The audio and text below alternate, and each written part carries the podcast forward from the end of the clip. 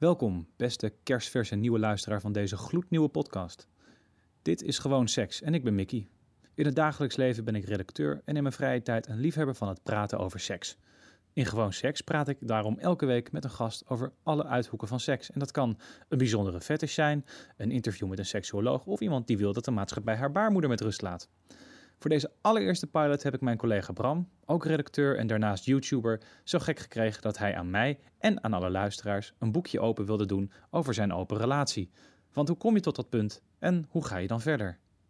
Ik, weet je, ik heb een relatie gehad dat ik niet eens op televisie naar een knappe jongen mocht kijken. Dat, dat mijn vriend dan al jaloers werd en de afstandsbediening pakte en snel wegzepte. We hadden wel soms een beetje, ik het gevoel dat we de seks een beetje hadden uitbesteed of zo. Dus dat, eh, we hadden alles behalve, behalve de seks die we eigenlijk moesten hebben. Seks, seks, seks. Seks, seks, seks. Seks, seks, seks. Seks, seks, seks. Eh, welkom, lieve luisteraar, Oh, bij de aller, aller, aller, allereerste aflevering van Gewoon Seks. Waarin ik... nog een blikje openmaken. Oeh, Zo, dat was het. dat was het? Ja. Oké, prima. Nog een keer, welkom, lieve luisteraar, bij de aller, aller, allereerste aflevering van Gewoon Seks. Waarbij ik, Mickey, praat over gewoon seks en alles wat daarbij komt kijken en omheen hoort.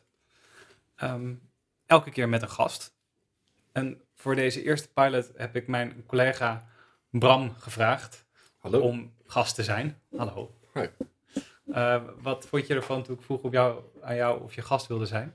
Ehm, nou, ik vroeg volgens mij wel gelijk, wordt het uitgezonden of komt het online? Maar in principe, ehm, prima. Ja, ik vind ook dat je over seks gewoon moet kunnen praten. Dus. Nou ja, precies. Dat is het hele, dat is het hele idee van deze podcast. Maar ik ben er een beetje giechelig over. ja, oké. Maar Ik dat ben- maakt niet uit. Ik ben opgevoed door twee hippie-ouders die zeg maar de hele tijd er heel makkelijk over wilden praten. Werd er ook naakt rondgelopen? thuis? Zeker. En dat heeft een soort, gek genoeg, een soort averechts effect op mij gehad. Wat, wa- en eh, hoe uitzicht dat? Bij mij. En ja, een beetje preutsig. Preuts en een beetje, ja, giechelig dus. Preuts naar buiten toe of ook naar jezelf? Hoe kan je preuts zijn naar jezelf? Nou, ik denk dat sommige mensen ook wel preuts naar zichzelf kunnen zijn. Weet ik niet. Of ik dat ben. Nee. In ieder geval naar buiten toe. Nou, Bram is dus de gast vandaag. ik heb hem over weten te halen. Er zat misschien al wat bier in. Nou ja. En hij heeft nu vakantie en hij heeft toch niks beters te doen dan mij te helpen met deze pilot. Eh, nou, eh, het format staat dus ook nog niet geheel vast. Dus eh, vandaar dat het af en toe misschien een beetje kan ontsporen. Maar ik denk dat we de weg vanzelf wel weer terugvinden. Ehm, toen, ik, toen ik jou als gast vroeg, Bram, toen, ehm, althans toen ik bedacht dat ik gasten wilde gaan vragen voor deze podcast om te praten over seks, moesten natuurlijk wel gasten zijn die allemaal iets te vertellen hebben over seks. Ja. Ehm, het mag heel erg eh, uiteenlopen. Eh, van een sekswerker tot een eh, arts gespecialiseerd in HIV, tot iemand die seksuele voorlichting geeft op scholen, tot iemand die praat over seks na de zwangerschap.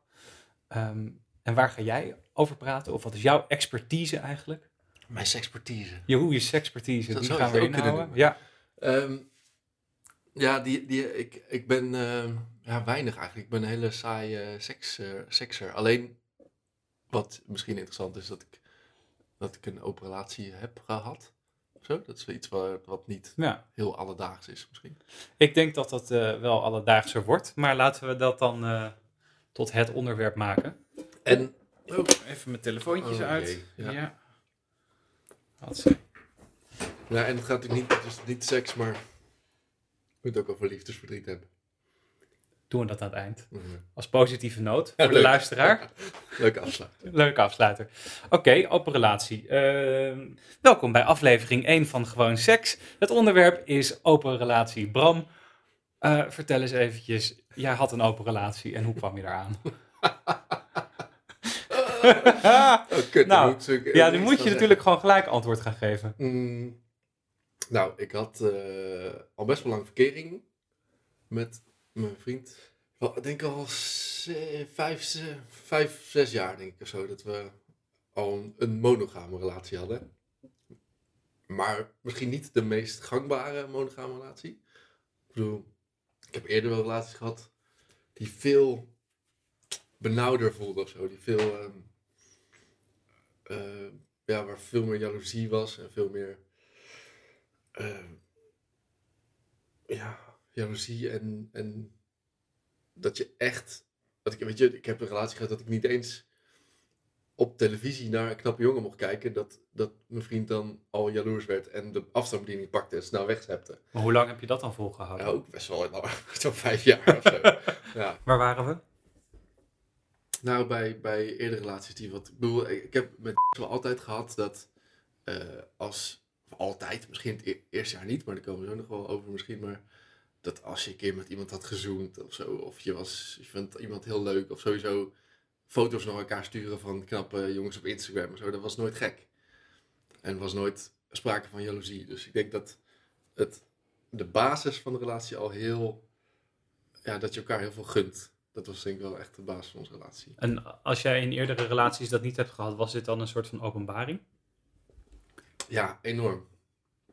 Ja, en dat was al in de eerste weken van onze relatie, toen ik echt nog niet dacht, dit wordt een relatie.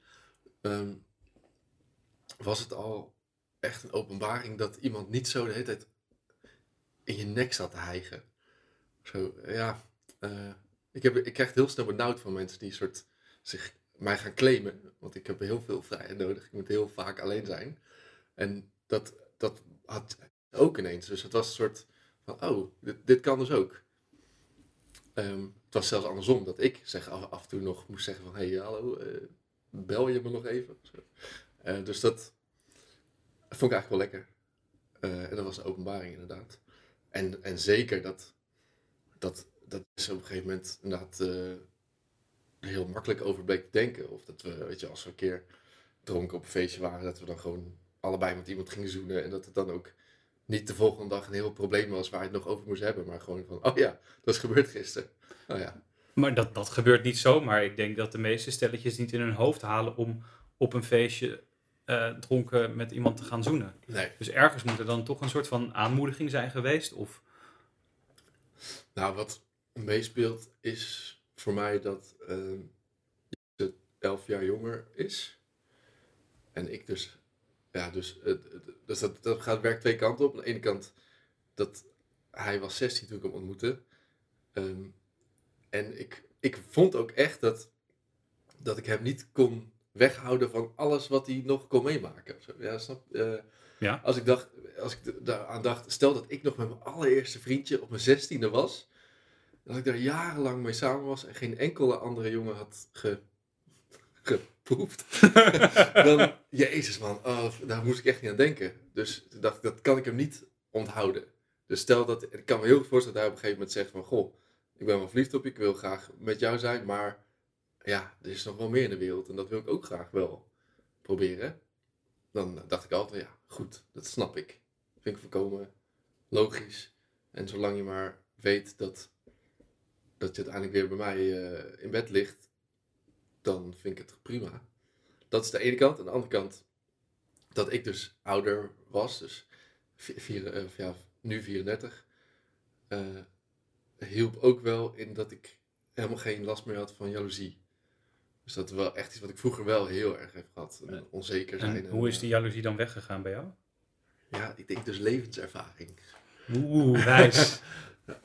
Want ik weet niet, ik kan niet zo goed zeggen. Ja, levenservaring. En misschien dat je op een gegeven moment ook wat zekerder wordt over jezelf. Dat je dus niet meer zo. Ja, het is ook vooral. Ik denk dat, denk dat de jaloezie heel erg sowieso iets in jezelf is. En dat het heel oneerlijk is om dat op iemand anders te projecteren. Dus als je, dat jij onzeker bent over jezelf, dat jij denkt: oh, straks komt hij niet meer bij me terug. En straks wordt hij verliefd op iemand anders. En daardoor ga je iemand allemaal dingen verbieden. Dat zegt denk ik vooral iets over je eigen onzekerheid. En maar eh, heeft het er ook mee te maken dat je dan misschien ehm, je, eh, dat je verliefdheid eh, en al dat soort dingen, alles wat daarbij komt kijken, bent gaan rationaliseren? Ja, ietsjes wel, denk ik. Dat je het uit de Hollywood-sfeer hebt getrokken? Ja, dat is wel een goeie. Ik denk dat dat zeker, dat ik zeker daar ook dus beter in geworden ben in daar rationeel over nadenken. Dus dat je denkt, ehm, hij gaat nu met deze jongen zoenen. En dat ik dan vroeger zou denken, oh mijn god, hij wordt verliefd en hij gaat bij me weg. En nu weet ik, ja, maar als hij verliefd wordt, gebeurt het alsnog. Of. Ook als ik het verbied, sterker nog, ik denk zelfs dat als je iets gaat verbieden, dat het alleen nog maar spannender en interessanter wordt. Eh, en nu kan ik het uitproberen en erachter komen, oh, eh, deze jongen zoekt, toch niet zo lekker als, eh, als mijn vriend. Of deze jongen zoekt wel lekker, maar ik moet er niet aan denken om, om zijn ouders te ontmoeten of zo. Dus dat, dat kan je in ieder geval ontdekken. Dus ik denk zeker dat daar rationeel over nadenken helpt. Het klinkt natuurlijk niet echt eh, romantisch. maar dat hoeft toch ook niet? Nadenken. Ik denk dat je een hele hoop dingen maar beter wel rationeel kunt benaderen. Ja, Ik denk dat als je, oh, als je, als je binnen eh, een relatie dingen eh, niet ook rationeel kan benaderen, dan loop je heel hard tegen een muur aan die je misschien eerder had aan kunnen zien komen. En ik denk dat dat is wat heel vaak gebeurt met mensen. Ja. ja of het nou om, ja. om, om open of dichte relaties en vreemdgaan gaat, of totaal andere dingen, zoals eh, gedeelde financiën of eh, eh, Ja. weet ik veel wat, of wel of geen kinderwens, wel of niet samenwonen. Ik denk dat heel veel dingen, ehm, dat mensen bij heel veel dingen in een relatie er gewoon niet over na willen denken, omdat ze zo lang mogelijk vast willen houden aan dat romantische Hollywood plaatje. ja. Of praatje. Ehm, Alles wordt soort gladgestreken. alles met, wordt eh, gladgestreken met en mensen steken verliefd en kop, kop in het zand. En dan Ja. kom je er nooit aan toe om, na, om rationeel na te denken over het feit dat je twee mensen bent die samen moet leven. Op wat voor manier dan ook. Ja. Ehm, Dat is waar, maar ik denk wel dat ehm, zeker de beginfase van je relatie, dat je daar toch wel de, de rationaliteit ook wat moet laten varen. En dat je er toch wel een soort fase moet hebben dat je zo Tuurlijk. verliefd bent en tuurlijk, maar kijk, zonder elkaar in kan. de en, eh, beginfase zit je ook zo vol hormonen dat, dat dan laat je dat ook makkelijk gaan. Ja. Die rationaliteit. Lijkt mij. ja, ja, ja, maar die was er wel iets meer dan eerder bij mij. Dus dat ik al wel, ik dacht ook, ik had altijd in mijn achterhoofd van, ah, hij is zoveel jonger dan ik en eh, hij is eh, met hele andere dingen bezig en we zien wel. Zo. Dus dat is ook al een vorm van rationeel denken. Dat je niet denkt van, oh, ik moet alles op alles zetten om hem bij me te houden, maar meer gewoon van, nou, we kijken het wel, we, we zien hoe het komt. Ja. Eh, en dat, ja, dat kan ik nog steeds iedereen aanraden om op die manier een relatie te beginnen. Dat Wil je dan iedereen aanraden om een open relatie? Ah, dat, dat is zo ver weg. Oh, maar ik was eigenlijk aan het vertellen hoe het, hoe het, Ja. hoe het zover kwam. Ehm, want dat was dus het begin. En eh, toen we ja, dus monogaam, maar niet heel benauwd. Ehm, en toen was er op een gegeven moment wel een punt dat, eh, dat ik merkte dat ik, dat ik niet aan alle wensen kon voldoen Hoe bedoel je? op seksueel gebied. Dus eh, ik ben dus niet zo'n hele spannende eh, sekser, denk ik. Je omschrijft het zelf heel leuk. Ja, dus wat zeg ik altijd? Puberale seks? Nee, Oh, dat je van saaie seks houdt. oh saaie seks. Ja, en een beetje mislukte seks hou ik ook wel van. Op wat voor manier mislukt? Nou, dat het zo een beetje ongemakkelijk gaat en zo. Dat allemaal een beetje soort met rare geluiden, de, de, eh, Beetje aanklungelen. een beetje aankleukelen. Dat vind ik, Geen gelikte pornoseks. nee, kan ik ook niet naar kijken. Nee, nee ik, vind het, ik vind het leuk als het een beetje ges- gestuntel is. Eh, en dat was op zich niet het probleem, dat lukte altijd wel. Maar, dat wie zit, lag dat? ja, dat zit gewoon in mij, vrees ik. Maar, eh, maar eh, ja, ik ben niet zo kinky, bijvoorbeeld. En, eh, weet je, dingen als, als iemand vastbinden. Ja, ik wil het wel proberen. We hebben het ook wel geprobeerd. Maar ik, moet het, ja, ik, ben ik heb er dan te veel zelfbewustzijn voor om, daar, om dan nog in de moed te zijn. Zo, ik werd, moest alleen maar heel om lachen. En, eh, Dat maakt het eigenlijk wel weer stuntelig en ja, handig. voor mij wel. Maar dat is natuurlijk voor degene die graag vastgebonden wordt en dat soort echt even eh, gedomineerd wil worden, is dat natuurlijk niet leuk als dan iemand begint te lachen. Of in ieder geval niet, niet zoals hij zich voorstelt. Ehm, Maar in ieder geval, dus, ja, dus je dat kwam merkte erachter- ik. ik. Ik kon niet aan, niet aan al zijn behoeftes voldoen. En dat is natuurlijk eh, best wel pijnlijk om te ontdekken. Want het wil ik wel graag. Zeker als je van iemand houdt dan, en, en ook iemand heel knap en geil vindt, dan wil je gewoon dat die bevredigd wordt, zeg maar. Ja, letterlijk. En Eh, figuurlijk. en figuurlijk. Ehm, dus dat was wel pijnlijk. Eh, en dat dat, maar dat ging wel een tijdje goed zo. Want dan, ja, eh, het was net, net oké genoeg om niet te zeggen van dit is echt een probleem aan het worden. Maar hoe ruimt dat met het, het juiste rationeel benaderen? Want als je iets rationeel had benaderd, had je misschien ook al wel geweten dat niet iedereen 100% matcht. Ja, precies. Maar als je, aan de andere kant is ook dat je, als je het rationeel benadert, je relatie, kun je zeggen, ja, hoe groot is dan dat onderdeel seks?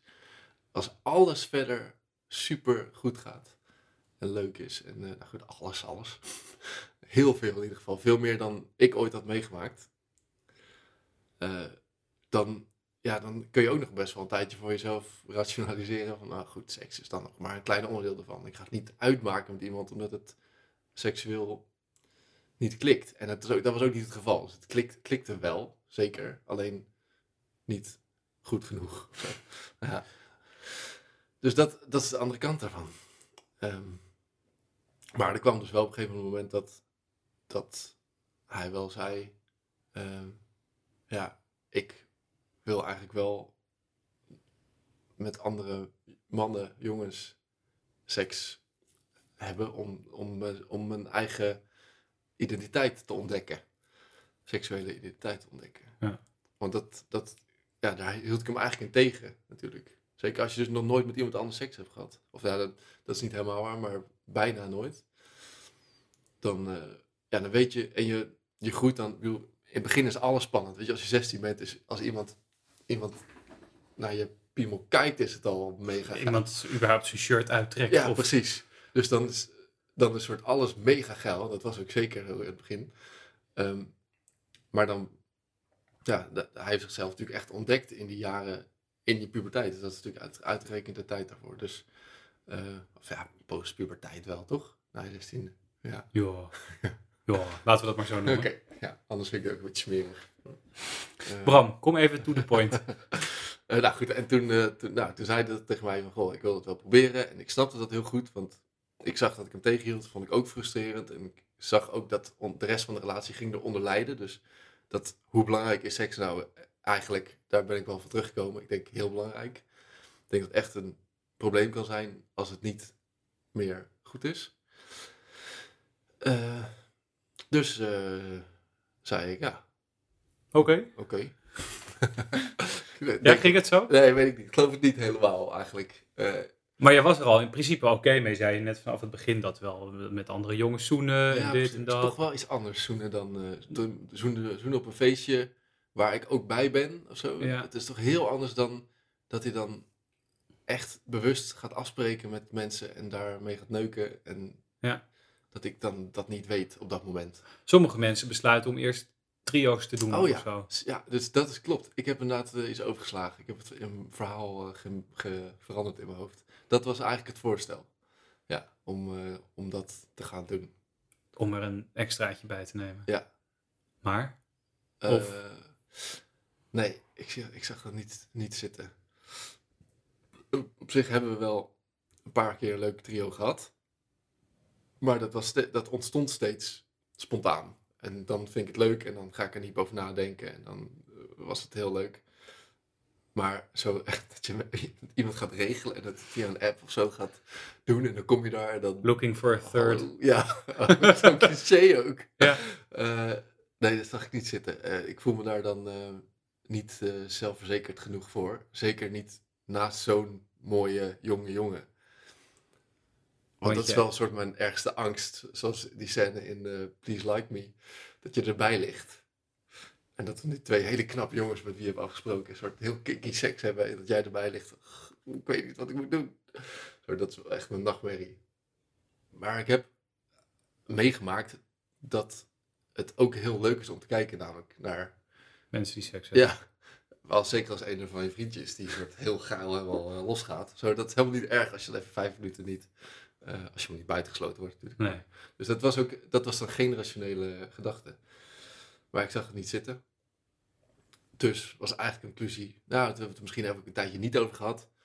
Maar ja, het, ging, het werd toch wel weer frustratie. En toen dus toch maar besloten dat we dan een open relatie zouden hebben.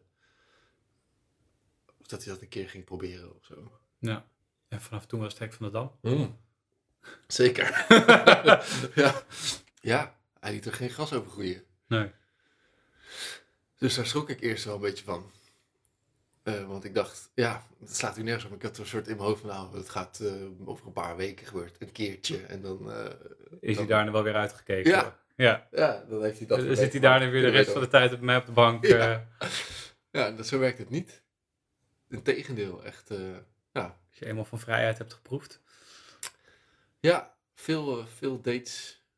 En, eh, en we hadden wat regels bedacht. Samen. Of regels. Wat dan? eh, afspraken. Eh, sowieso altijd, dat hij het altijd aan me zou vertellen.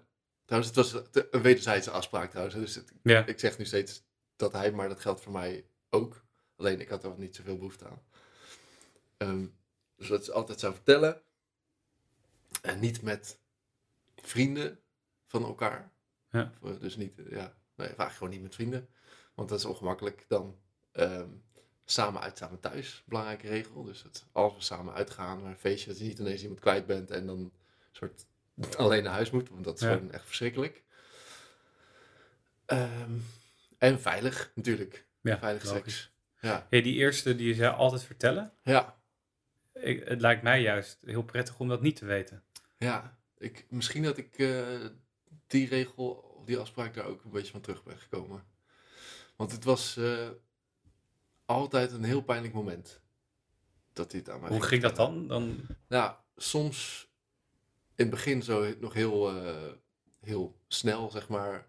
Echt de dag daarna of zo, dat, het, eh, dat hij me belde of zo. Van, oh ja, ik heb gisteren seks gehad. Oké.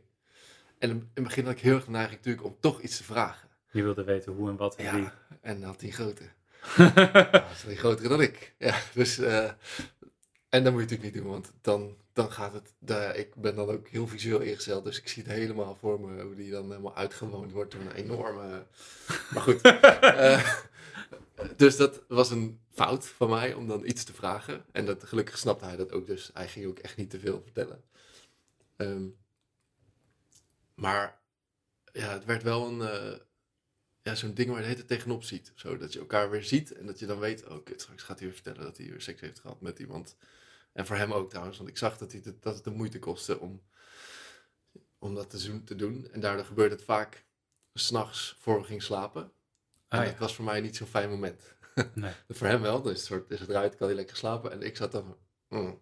en dan ging ik toch, ik ga toch even nadenken hoe, hoe, hoe dat er dan uitziet en hoe dat dan gaat. En ja, hoe, En- hoe vrij ruimdenkend ik daar dan, dan toch in ben. Hoe blij ben je als je nu terugkijkt op die beslissing? Om het überhaupt open te gooien? Ja, wel heel blij. Dit was eigenlijk het, het enige echte grote, frus, ja, een, kuttig dingetje, zeg maar. Dat vertellen en dat dan horen. En dan toch even nadenken en denken, heeft iemand met zijn tengels aan mijn vriendje gezeten of zo? Dat, dat, dat, was ik dan, een, tien minuten later was ik dat weer kwijt. Maar het, je voelt het wel even. Ehm, dat was het enige eigenlijk. Verder was ik er heel, eh, heel positief over. En eigenlijk voelde het al heel snel ook heel natuurlijk. Veel natuurlijker dan, dan een monogame relatie. Eigenlijk. Heb jij vrienden die ook een open relatie hebben? Ja.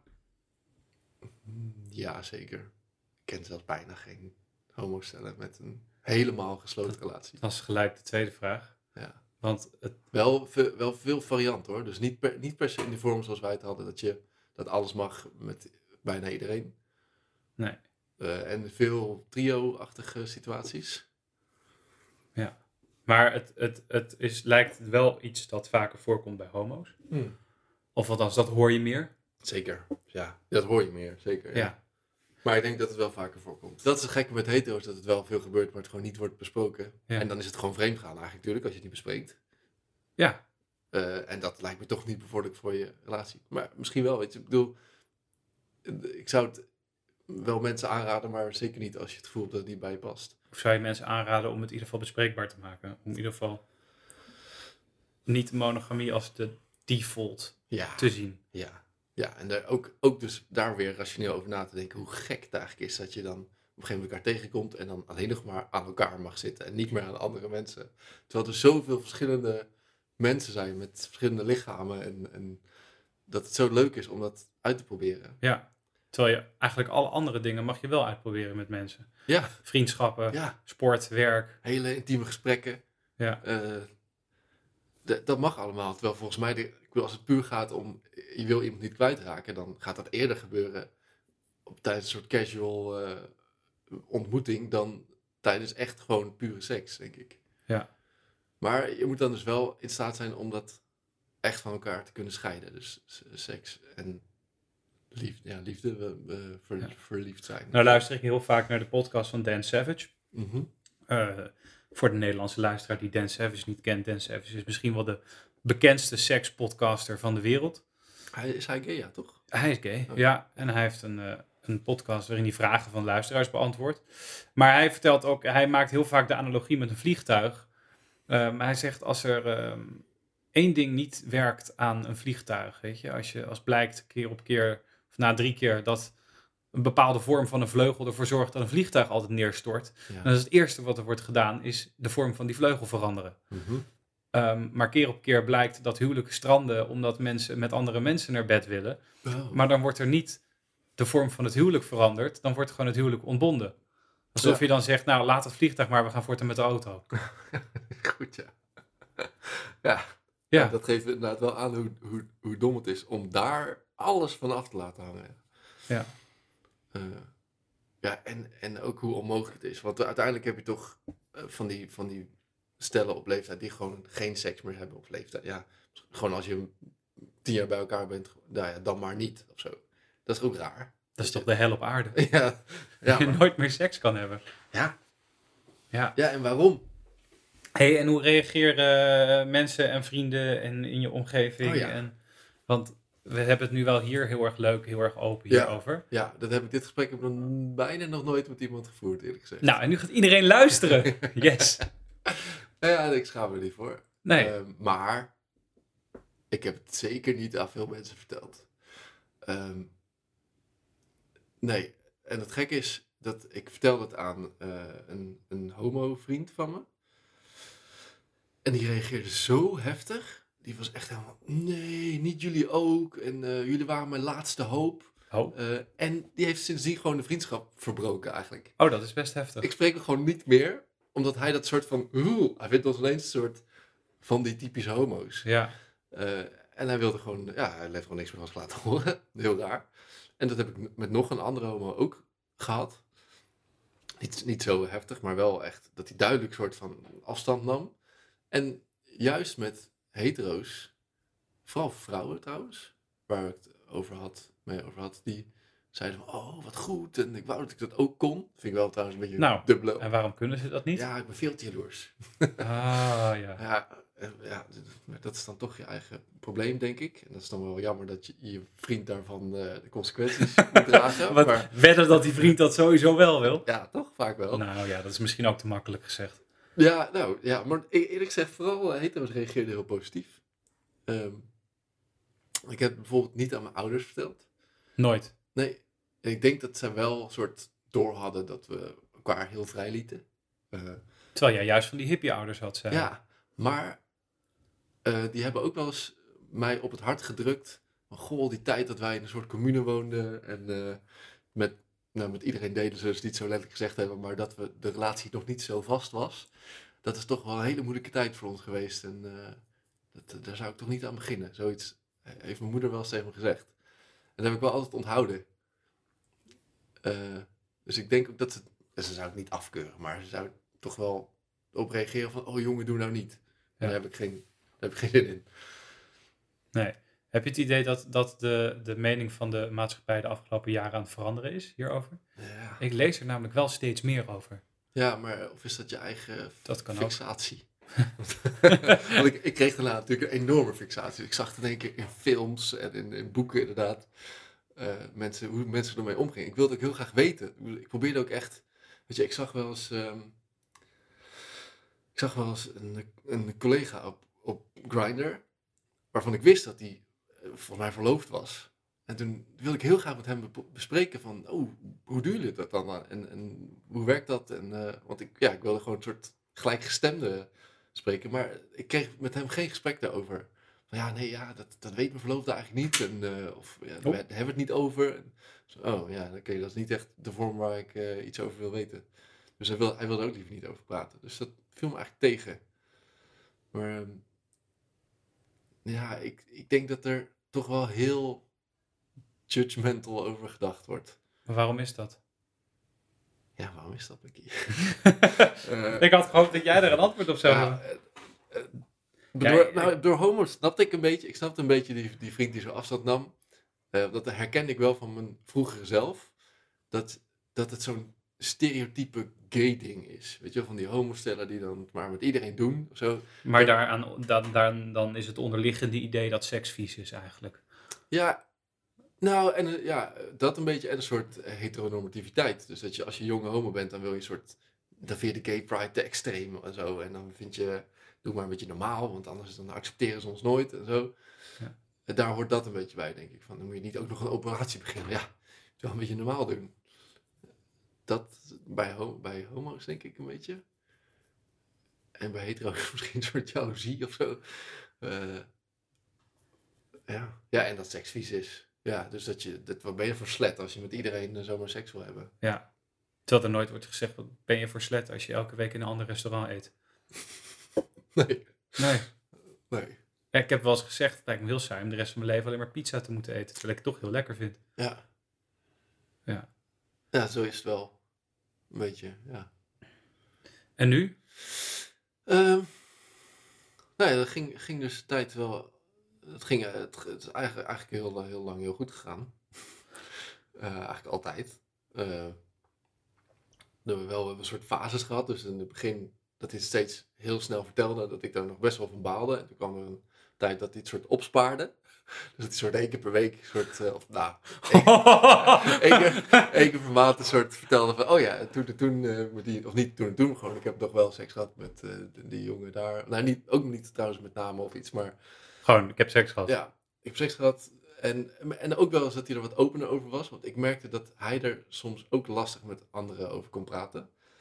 Ehm, ook gewoon echt goede, goede homo-vrienden van ons, die, die duidelijk het niet veroordeelden, maar er ook nooit over begonnen of zo. Weet je dan stuurde, stuurde mijn vriend stuurde wel eens een screenshot van Grindr met een grappig, dat iemand zei van, hey, jij bent toch de vriend van Bram? Ik ken hem van YouTube of zo. En dan, eh dat stuurde dan in de, de chatgroep met die vrienden. En dan ging eigenlijk niemand erop in van, waarom heb je eigenlijk Grindr? Ja. Dus dat eh, was opmerkelijk. Eh, Of ze vonden het heel normaal. Ja, het was een soort onuitges onbesproken... Mensen liepen eromheen als een Ja. olifant in de Ja, eh, kamer. Je vroeg er nu. eh, ja, dus, eh, dus ik merk dat, dat, dat hij er ook lastig over kon praten met mensen. En dat hij toch, soms toch de behoefte had om met mij iets te delen. Dat hij bijvoorbeeld een keer een trio had gehad met, een, met twee hele knappe Zweedse jongens of zo. En dan wilde hij het toch graag vertellen aan mij. En ik wilde het natuurlijk eigenlijk ook wel een beetje weten. Maar en dat, dus dat is een tijdje geweest dat hij eigenlijk iets te veel deelde. En dat ik dat eh, wel interessant vond, maar ook wel mm, mm, ja, Moeilijk. moeilijk soms. Ja. En soms kon ik ook heel erg om lachen, weet je, dat hij... Maar, en ook wel eens dat hij eh, verhalen had waarvan ik, waar ik me een beetje zorgen over maakte. Weet je, dat, hij, dat je naar een of ander eh, obscuur hotel gaat ergens om seks te hebben met iemand die je helemaal niet kent. op een raar tijdstip. Of dat hij een keer afgesproken had in, op een parkeerterrein in een auto en zo. En Wild. Huh? Wild? ja, nou ja, dat vond hij zelf ook wel. En hij voelde zich ook onveilig. En toen belde hij me daar ook van... Oh ja, ik, ik heb bijna mijn locatie naar je gestuurd. Want, zodat jij de politie kon bellen. Want ik, eh, het voelde in één keer niet goed. Pff, Dus dacht ik ook wel soms van... Jezus, straks gebeurt er iets. Eh, maar... ehm, ja, en, en, de, en de, de laatste fase was denk ik dat we, het, dat we het eigenlijk er niet meer over hadden. Of zo. Dat hij het ook niet meer zo vaak meldde. Nee. En ik weet dan dus niet of het was omdat hij het nooit meer deed. Of dat het gewoon een soort... Wel allebei door hadden. Oké, dit is echt een heel kut moment iedere keer. Eh, ik moet wel zeggen dat eh, een negatief effect ervan... Er waren dus heel veel positieve effecten. Dat we sowieso veel lekkerder in ons vel zaten allebei. Dat, ik voelde ook niet meer de En druk jullie om- seksleven? nou, precies. Ik, ik voelde niet meer de druk om iets te zijn wat ik niet was. Dus om veel kinkier eh, te zijn dan ik was. Dus eh, Eh, maar het gevolg was wel een beetje dat ik daar misschien ook een beetje lui van werd. Zo van, ik mag nu gewoon mijn saaie zelf zijn. En Seks met sokken aan. En, eh, Zo erg ook niet. nee, ja, maar wel, eh, ja, dat, dat dus de, we hadden wel soms een beetje, ik het gevoel dat we de seks een beetje hadden uitbesteed of zo. Dus dat, eh, we hadden alles behalve, behalve de seks die we eigenlijk moesten hebben. ja. En, en ja, dat klinkt, ik vind het echt slecht van mezelf dat ik dit voelde, maar ik voelde het wel, dat ik het, dat ik het soms een beetje vies vond. ja, wat dan? Ja, maar vooral, vooral meteen, weet je, als hij net had verteld van, oh, ik heb eh, gisteren seks gehad, dan kon ik toch niet echt, ik kon het toch niet snel loslaten. Dan wilde ik toch graag, had ik graag gewild dat hij even ging douchen. Of. Ja, dat misschien, had hij dat waarschijnlijk al had gedaan. Ja, tuurlijk, het was al een dag later of zo, maar ja, Ja. ik vond het toch heel, eh, ja, ik ben hier niet echt trots op om dit te zeggen, maar het was een echt, dat was echt een heel stom gevoel. Ik dacht nou, er heeft iemand anders aan jou gezeten en in jou gezeten. Ja. En, en moet ik daar dan nu ook nog, ja, dat vond ik, dat vond ik kut. En dat, dat was niet eh, positief voor eh, onze relatie. Nee. En dat voelde hij denk ik ook wel. Jullie zijn nu niet echt meer samen. Nee, we zijn uit elkaar sinds eh, twee of drie weken of zo. Heeft dit daarmee te maken? Ja, dat is wel, ligt wel voor de hand om dat te denken. Ja. Maar ik weet eigenlijk niet precies waarom we uit elkaar zijn. Dus dat is eh, moeilijk te zeggen. Nee, er is niet echt een reden. Eh, ik denk dat het. Ja, je zou sowieso kunnen zeggen dat als we het niet hadden gedaan, die open relatie, dan waren we dus een paar jaar geleden uit elkaar gegaan. Ja. Want dat was uiteindelijk wel de, de conclusie van oké, we kunnen zo niet door. Dan moet het of ophouden, of we moeten besluiten om een soort heel saaie kutleven te gaan leiden. Maar nee, dat was, was, wel, een soort, dat was wel een soort keuze die ik moest maken. Dus heeft het misschien de relatie nog een paar jaar extra gegeven? Ja, dat denk ik. Dat zeker. Eh, anders was het eerder al gestopt. En als het gaat om, is, hij dan, eh, is het misgegaan dat hij verliefd is geworden op iemand waarmee hij dan seks heeft gehad? Eh, misschien. Maar ik denk dus ook dat dat ook was gebeurd als Ja. je er geen seks mee had gehad. Ik denk dat het niet per se het begin van je verliefdheid hoeft te zijn. Of eh, als er geen, dat had hij misschien stiekem gedaan. Dus ik denk dat dat niet per se de, de schuld is van de open relatie. Maar ja, misschien ben ik mezelf aan het verkopen. Als je nou in de volgende relatie eh, weer voor hetzelfde vraagstuk komt te staan. Zou ik doden. Ja? Ja, ja maar niet meteen. Dus ik, ik vind wel, ik denk wel dat die basis heel belangrijk is. Dat je aan het begin een soort, je moet elkaar wel echt leren vertrouwen. Ja. En lo- leren loslaten. En, ehm, en, en- Misschien lagen jullie toch net iets te ver uit elkaar op seksueel gebied dan. Ja. Ja, misschien. Dat als je wat dichter bij elkaar ligt, dat het de negatieve effecten ook wat minder heeft. Oh ja. Dat je dus... Dat je dus iemand, iemand die van saaie seks houdt versus iemand die eh, ja. Heel kinky is, ja, dan, dan als, als je dan ook een open relatie hebt, dan ja, dus als je, dat, als je allebei wel... slaat de weegschaal misschien wel heel erg door naar één kant. Nee, dat is misschien waar. Dat geldt denk ik niet alleen voor de seks. Ik denk dat we sowieso misschien iets te ver uit elkaar eh, lagen. Ja. Op ieder gebied. Eh, dus dat is nog wel symbolisch daarvoor. Maar de volgende dus wel. Ja, maar, maar je moet, ik denk dat je wel die fase moet hebben dat je soort samen smelt. Weet je wel, het begin van een relatie. dat je soort, ik, zou niet meteen, ik zou het nooit meteen doen. Nee. Maar ik zou het wel nog een keer doen. Ik vond het heel, Tip voor de luisteraar. Denk even na. ja. Ja, maar we hebben, ja, ik heb het nu wel ve- veel gehad over de negatieve kanten. Maar het, het- ik wil wel benadrukken dat het dus echt ook heel erg leuk was en heel natuurlijk, heel logisch voelde. En dat gewoon, weet je, ik had niet per se behoefte om heel veel seks te hebben, maar het, het feit dat je gewoon op een feestje staat en je komt een knappe jongen tegen, je kan gewoon met hem flirten, je kan gewoon met hem zoenen. Het is helemaal niet, je voelt je niet de hele tijd soort bezwaard van, oeh, ik heb een relatie of zo. Dus dat geeft wel een heel eh, fijn gevoel. Ja. Oké. Nou, Ja, fijn gevoel. Mickey. Ja. Zou jij het kunnen voorstellen dat je ooit een open relatie hebt? Ik zou me dat heel goed kunnen voorstellen. Ik denk alleen dat mijn vriend daar momenteel nog niet klaar voor is. Oké. Ja, zo simpel is het. Eh, wel wil ik zeggen dat ik niet per se eh, vind dat iedereen het moet doen. Nee? Ik ben geen evangelist. Nee, ik ook niet. Nee, dat denk dat het wel een belangrijke side note is. Ik denk dat het heel goed is om ehm, bestaande structuren eh, te bevragen. Ja. Dus monogamie niet per se als standaard te nemen waar iedereen maar naar moet leven. Mhm. Iedereen richt zijn relatie op zoveel verschillende manieren in. Ja. Waarom dan niet ook het seksuele aspect daarvan? Mhm. En ik denk dat we dat moeten accepteren, dat, niet, dat monogamie niet voor iedereen is. Nee, dat denk ik ook. Ik denk dat als je, als je, als je voelt dat het niet werkt, dan moet je het Ja. niet doen. Alleen, nou, en ik denk daarin dat je daar ook eerder eerlijker naar jezelf mag zijn. Ik denk dat je iedereen zich wel heel erg moet beseffen dat we allemaal zijn opgegroeid in een, eh, in een Hollywood-wereld. Mhm. En dat heel veel mensen er niet eens over nadenken, terwijl het misschien wel iets voor hen is. Ja, precies. Dat veel mensen gewoon kop in het zand steken en gewoon denken, wauw, het hoort zo, het hoort zo. Ja. Ik heb wel eens een discussie met iemand gehad en die zei, ja, maar zo hoort het toch niet? Denk ik, ja, maar waar staat dat dan? Ja, in de Bijbel misschien, maar Ja, dat vind ik een slechte nou ja, reden. dat vind ik een maar, slechte maar reden. ik vind want- ook, eh, ook die jaloezie en onzekerheid over jezelf ook eigenlijk een slechte reden. Want dat, Ja, dat is Dat- jouw probleem. dat is jouw probleem en dat geeft dan waarschijnlijk invloed op veel meer aspecten van je relatie. Niet alleen maar op die, eh, op die seks. Zeker. Ja, Dus dat is dan wel iets wat je alsnog zou kunnen als je oplossen. extreem jaloers bent, dan ben je vaak ook jaloers als iemand te lang met zijn vrienden Ja, voetbal gaat kijken of weet ik veel wat. ja. Oeh, lekker heteronormatief voetbal. Die te lang met zijn vrienden naar RuPaul's. Drag Race Oh, ja. gaat kijken. dus eh, ja, nou, goede, goede tip is, eh, eh, denk er eens over na. Ja. Oké, nou, hoe vond je het Bram, deze eerste pilot? Ja, eh, leuk. Volgens mij hebben we een goed gesprek gehad. denk het ook. Ja. Denk je dat het leuk is voor de luisteraar? Ja, dat denk ik wel.